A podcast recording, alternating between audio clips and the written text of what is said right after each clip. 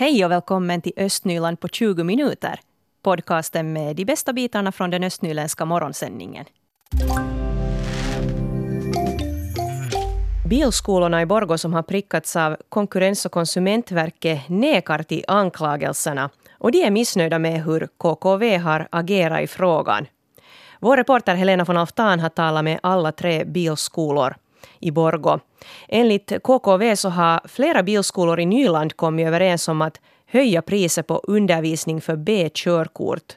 Och tre bilskolor i Borgå har enligt KKV kommit överens om att höja priset med 600 euro år 2013. Och de misstänkta bilskolorna i Borgå är Borgå bilskola, Porvoon Autoopisto och Drivers Club. Och vi ska nu höra Helen Högström som är VD vid Borgå bilskola. Så här kommenterar hon KKVs syn. Det kom ju inte liksom som, på det viset överraskning att jag visste ju att, att de har haft, kan man säga, undersökningar, eller vad skulle vara rätt ord på svenska, alltså från året 2016. Så det där att jag visste ju om saken, men att förstås det här som de kom ut med nu på torsdag, så jag fick ju också veta det först på torsdag. Att vad var det där innehållet. Hur är det, har ni då kommit överens om priser med, med de här andra bilskolorna när det gällde i Borgå då 2013? Nej, alltså det här som konkurrent och konsumentverket liksom har som åsikt, så vår åsikt är nog, nog annorlunda om det att, att hur, hur liksom sakerna gick till. Vad är din då syn på hur sakerna gick till? No, till exempel, de kommer ganska kraftigt ut med det där att, att um, bilskolorna har höjt sin pris ehm, då när kom det här i början av 2013 när, när det här um, det kom det här nya körkortslaget trädde i kraft. Så det där um, det är liksom ganska, hur ska man säga, deras äh, åsikt är det att, att priserna höjdes och de tar inte alls liksom, reagerar inte på något sätt med det att, att det där um, att de ska ta liksom det fram att uh, hur mycket kom det nya körlektioner och teorilektioner i det där uh, lagförändringen. Att det är ju ganska viktig sak också att förstå att det var vissa saker som påverkade till den där prishöjningen. Uh, nekar ni till de här anklagelserna? No, så som jag sa så det där, jag har nog helt en annan, annan det där, synvinkel till de här sakerna som, som är liksom det där deras deras synvinkel. No, men hur ser ni nu vidare på den här saken? No, det får ju nu till det där um, marknadsrätten och, och det där um, det skulle förstås vara, vara liksom, tycker att det skulle vara, vara bra om, om alla skulle få, förstå det att, att det här var bara liksom deras, deras liksom åsikt och, och det där um, det är ju ändå sen marknadsrätten som, som gör det där beslut. Att, att det skulle nog vara bra nu att, att bara låta marknadsrätten göra sitt arbete i lugn och ro. Och det sa här Helen Högström från Borgå bilskola. Det fanns alltså 2013 ett tryck på att höja priserna på grund av ny lagstiftning. Timo Anttila på Porvon Autoopisto han säger ändå att hans bilskola inte har kommit överens om priser med de andra bilskolorna i Borgå. Och på Drivers Club säger VD Mika Sorajoki att han är bestört och förvånad över hur Konkurrens och konsumentverket har agerat. Han nekar också till att bilskolorna i Borgå skulle ha haft en priskartell. No, kyllähän mä tyrmistynyt on, että kyllä toi toimintatapa, miten kuluttajakilpailuvirasto toimii, niin huhhuh. Mä en, en muuta voi kuin hämmästellä, vaan että tämä on käsittämätöntä suoraan sanottuna. Hinnoista ei ole koskaan sovittu och det sa alltså Mika Sorajoki från Drivers Club. Och han har alltså inte mycket till övers för KKVs förfarande och tycker att det är ofattbart. Och han säger alltså också att man aldrig har gjort upp om priser bland bilskolorna i Borgå. Sorajoki är fundersam över vilken stor medieuppmärksamhet fallet har fått före det ens har gått till Marknadsdomstolen och att det bara i det här skedet är Konkurrens och konsumentverket som har uttalat sig. Han säger att det blev en riksnyhet med stor medieuppmärksamhet med en gång och att bilskolorna genast blev utpekade som skyldiga utan att kunna försvara sig. Vi har en artikel om det här också på svenska.yle.fi östnyland. Nå, sen är det ju en annan sak att till exempel Yle Östnyland försökte nå alla bilskolor samma dag som KKV gick ut med de här uppgifterna, så vi försökte verkligen få, få dem att kommentera de här uppgifterna men då ville de inte uttala sig ännu i det skedet.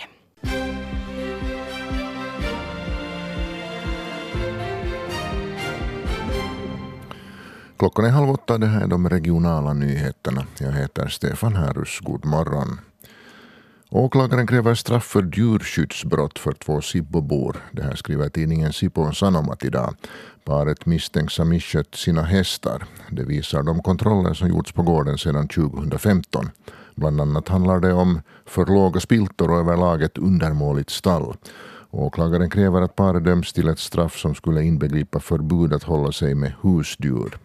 Och det här också på grund av att paret dömts för liknande brott två gånger tidigare. Onödiga brandalarm blir dyrare i östra Nyland, skriver tidningen Osima. För, att, för ett onödigt brandalarm kommer Räddningsverket i östra Nyland att debitera 1128 euro. Summan debiteras från och med det tredje onödiga larmet som kommer under ett års tid. Grunderna för betalningen är de samma som tidigare men kostnaderna har uppdaterats att motsvara dagens ekonomiska läge. Kilometerersättningen kommer däremot att slopas beslöt den regionala räddningsnämnden i östra Nyland vid sitt möte igår. Edelfeltstiftelsen har beviljats ett understöd på 50 000 euro för stiftelsens ateljémuseum. Stadsstyrelsen tog beslut i frågan vid sitt senaste möte. I somras byggde Ateljémuseet ett nytt utställningshus på sitt område i Haiko i Borgo. I framtiden kan inte stiftelsen längre ansöka om understöd av staden för sin verksamhet. Från och med nästa år kan Borgobor inte längre ge blod i finska församlingshemmet. Det här uppger Röda Korsets blodtjänst. Vid Röda Korsets blodtjänst meddelar man att man inte ännu kan säga var blodgivningen ska kunna skötas i framtiden. Borgoborna ska även i fortsättningen kunna ge blod en gång i månaden. Sista gången man kan ge blod i finska församlingshemmet är fredagen den 27 december. Lappträsk kommunstyrelseordförande, SFP-aren Kristoffer Helfors, han lämnar Lappträsk vid årsskiftet och flyttar till Sibbo. Och det här innebär att han samtidigt lämnar sina förtroendeuppdrag i Lappträsk. Och det är på grund av familjeskäl som han lämnar kommunen, för hans fru har nämligen redan flyttat till Sibbo. Och jag har nu Kristoffer Helfors här i studion. God morgon och välkommen. God morgon och tack. Hur känns det att lämna Lappträsk nu för att flytta till Sibbo? No, jag tänkte just också att det, det låter väldigt drastiskt där att Kristoffer Helfors lämnar Lappträsk och, och, och åker till Sibbo, men, men, det här, men inte det är ju kanske riktigt nu så, så lätt heller att, att jag det här, jag har ju ändå hemgården som min syster driver, så den är fortfarande i Lappträsk och jag har egen, egen skog och sommarstuga i Lappträsk, så att inte kommer jag att lämna, lämna Lappträsk totalt, utan det är nu så att den där hemadressen som, som flyttar och, och därmed så hamnar jag, lämnar uppdragen också som styrelseordförande och fullmäktigemedlem och, och, och sen är det nu kanske så också att det är lättare att leva, eh, leva livet på en ort än på två orter. Så att på. No, säkert, ja. Det är kanske lite utmanande att vara på skilda håll. Ja, det, det, är det nog faktiskt. Och det, här, och det är nog kanske det som, det som har lett till, till, här, till det här beslutet. Och det var nog ett tungt beslut och ett svårt beslut eftersom jag, jag som, som jag sa redan, att, det här, att jag har, har mycket koppling till Lappträsk och, och Lappträsk kommer nog alltid att vara nära mitt hjärta. Och fortfarande så kommer nog, man kommer nog till mig varje höst, varje veckoslut i, i älgjakten där i hembyn och, och det här och i säkert andra föreningar också. Men, men de här kommunala uppdragen så är mycket fast i den där hemadressen och, och det är den som nu ändrar. Mm. Nu har du trivts som kommunstyrelseordförande. Det har nog varit ett spännande uppdrag faktiskt. Ehm, det här var ju min tredje period nu i fullmäktige, men jag var en period borta däremellan. Men, men, det, här, men det har nog varit faktiskt ett spännande uppdrag. Att, och det har hänt så mycket nu under de här två och ett halvt åren som jag också har varit styrelseordförande, att det, det har varit roligt, men också delvis stundvis utmanande kan man säga. Ja, vad är det som har varit mest utmanande? Men nu har det kanske varit att få ihop alla de här stora projekten som vi kanske har haft och, och, och det här. Det har kanske varit, varit en av de, de, de tyngre nu att, att få, få, få bara i, ihop den här. Alltså vi, vi har en ganska bra samarbetsanda nu i kommunen och, och, och det går bra att diskutera över partigränserna och jag har många, många bra kollegor i, i fullmäktige. Och det är kanske bara det att, att försöka få ihop eh, den där gemens, hitta den där gemensamma åsikten i fullmäktige och i styrelsen. Så, så det har mm, ibland varit, varit, varit utmanande, men att inte inte, inte har det på något sätt varit svårt. Inte, utan, men mera kanske utmanande, det har, det har tagit sin tid att diskutera och, och, och sitta ner på, på möten med olika arbetsgrupper. Mm. Nu, hur skulle du säga, hur mår Lappträsk så här ekonomiskt nu? En hurdan kommun lämnar du bakom dig med tanke på adressen? Ja, no, det var nog det var på det sättet svårt att då när jag tog över som styrelseordförande kom med tillbaka i, i, i fullmäktige så, det här, så då hade vi den, då, då var, var ekonomin visade lite minus större än vi hade. Det var ett en miljons underskott uh, det året när jag tog över. Och då hade ju halvåret redan gått eftersom det var första gången som det var, det var så att, att man började mitt på sommaren.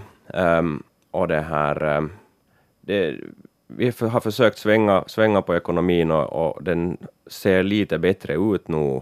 Den är på väg åt rätt håll, men den har inte kanske gått ännu så långt. Och det kunde vi kanske se när vi har nu Styrelsen har, har gett sitt förslag till, till nästa års budget och, och ekonomiplan sen för två följande år och, och, och där det här så, så, det här, eh, så föreslår vi nu en buffert på 200 000 euro för att eh, vi nu ska försöka få det att gå på plus faktiskt nästa år och, och det här och, och sen så tog ju också fullmäktige nu beslutet att höja skatteprocenten med en halv procent.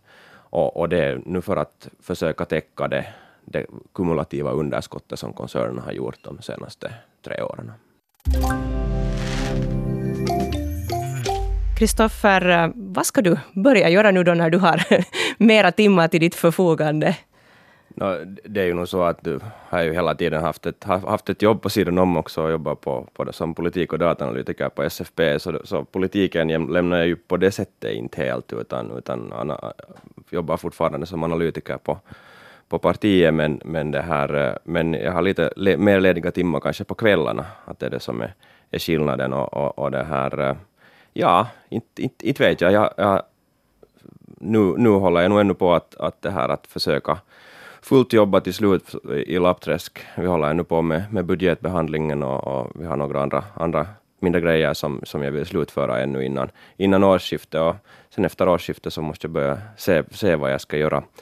Uh, ett mindre förtroendeuppdrag fick jag, fick jag, blev, blev jag faktiskt vald till här på, på höst, ett höstmöte också. Jag blev ordförande för Nylandsbrigad Gille, uh, vilket också kommer att ta en, en del tid, men att, men att sen utöver det så har jag, har jag lite mera fritid och det kommer att vara skönt. Mm. No, hur ser du på möjligheten att gå med i Sibbo-politiken? No, eh, som jag sa, jag slutför gärna lapprättspolitiken först och, och det här, så får vi se sen, sen vad, vad, vad som händer. Eh, men om man nu tänker att jag har varit sedan jag var 18 eh, aktiv i kommunalpolitiken i, i Lappträsk och det här och, och också varit aktiv i studentpolitiken, så det betyder, betyder nog att för det mesta så brukar jag vilja påverka det som händer runt omkring mig i samhället. Och då kan det ju nog hända att det, det blir att jag aktiverar mig på något sätt i något skede. Mm. Hur bra känner du till Sibbos ärenden från tidigare? No, ärligt sagt så kan jag säga att jag inte, inte, inte känner till så, så pass bra, inte, utan, utan så här grundnivå kan vi säga. Följa med i medierna lite?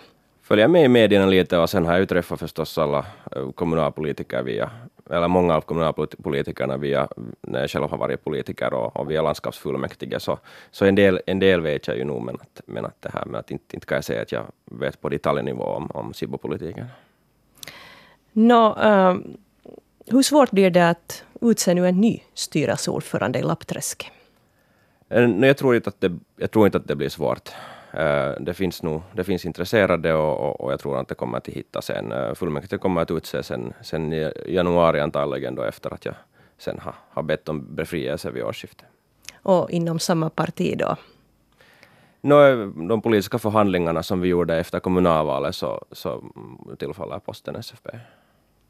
Tack för att du kom idag, Kristoffer Hellfors, och vi önskar dig lycka till här med kommande utmaningar. Tack.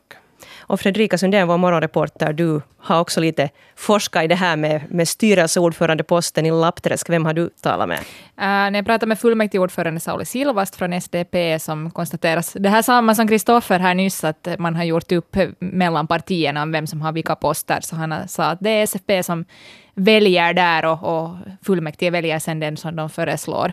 Eh, sen ringde jag också, också upp Jonna Nygård som är SFPs gruppordförande i fullmäktige. Hon sa att man har en, en kandidat, men den avslöjar man sen där på, på det här sista fullmäktigemötet för i år. Så att så. I Sibbo så funderar man för tillfället på var Söderkulla skola borde placeras när det väl blir dags att bygga det nya skolhuset för eleverna. Och vår reporter Mira Bäck hon besökte Söderkulla igår kväll för att höra vad föräldrar tycker om det här. Det är ganska kyligt och mörkt där jag befinner mig nu utanför Söderkulla skola. Största delen av barnen huserar i ett sånt här rött trähus men en del går i skola i barackerna här på gården. Nästa läsår ska barackerna bort och Söderkullabarnen flyttar in i Siponlahden koulu. Men om allt går väl så kan de få flytta i en helt egen nybyggd skola redan år 2024. Nu är frågan, var ska den här nya Söderkulla skola byggas? Ska den bli där helt bredvid Siponlahden koulu eller ganska nära här där vi befinner oss nu? På tomten intill vid Kompassgränden. Hanna Hörhammer, du är ordförande för Hem och skola i Söderkulla. Och du och andra föräldrar tycker att skolan borde placeras här vid Kompassgränden. Varför det? För vi skulle vilja att vår skola och våra barn skulle få hållas ifrån det där gigantiska skolkomplexet vid, vid Fröken Milis väg. Fördelarna med att bli här så då, då skulle vi liksom ja, skalan skulle, skulle vara mindre. Det skulle, vara, det skulle handla om ett, ett mindre komplex. Um, servicen i, i Söderkulla överlag med de här servicebyggnaderna skulle, skulle få en viss spridning. Ehm, för svenska språket så tror jag att det skulle vara bra, ett bättre alternativ att hålla, hålla Söderkulla skola på ett annat ställe än, än den stora finskspråkiga skolan. Och, ja, alltså det, det, finns många, men förstås det finns vissa fördelar förstås också med en placering där med, med samarbete över språkgränser och tillgång till allt som nu byggs upp där som sportplan och gymnastiksalar och, och det ena och det andra. Men, men det räknar jag nog med att, att ifall den skulle byggas, skolan skulle byggas här så skulle vi också, då skulle det innebära en, en, en egen gymnastiksal också. Så jag tror att jag är absolut för en placering här vid Lärdomsvägen och Kompassgränden. Och du sa att de andra föräldrarna också är av samma åsikt? Jo, de allra flesta så är nog för det. För de flesta förespråkar en, en mindre skola och, och är oroade och, och är emot sådana här stora gigantiska skolor. Om det skulle bli så att man skulle välja den här tomten där inne vid Siponlahden koulu, tror du att det skulle påverka föräldrarna? Tror du att folk kanske skulle sätta sina barn i andra mindre skolor istället i så fall? Ja, och Sibbo har ju jättefina sådana byskolor på svenska sidan. Och alltså redan eh, i och med den här flytten nu nästa höst till Siponlahden koulu så har jag hört föräldrar som kommer att placera om sina barn och, och kommer att, att placera sina barn i, i byskolor istället för att fortsätta vid Söderkullaskolan. Upplever du att ni föräldrar har möjlighet att påverka hur det går i det här fallet?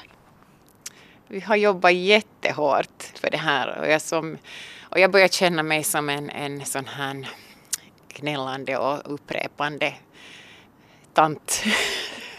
för jag tycker att vi, vi upprepar samma argument och samma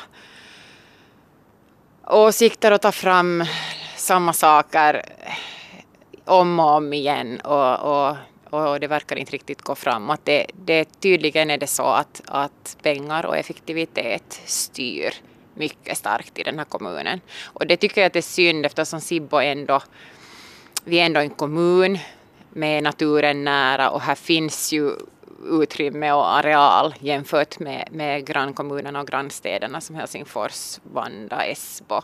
Att många har ju valt att flytta ut till Sibbo för att få det här lite mindre, lite mindre skala och mindre enheter. Och därför så skulle jag önska att kommunen skulle liksom ta, ta det på allvar och prioritera lite mera små, småskalighet. Och det sa här eh, Hanna Hörhammer som är ordförande för Hem och skola i Söderkulla. Bland kommunens tjänstemän och beslutsfattare så är åsikterna delade i frågan om var den nya skolan borde byggas.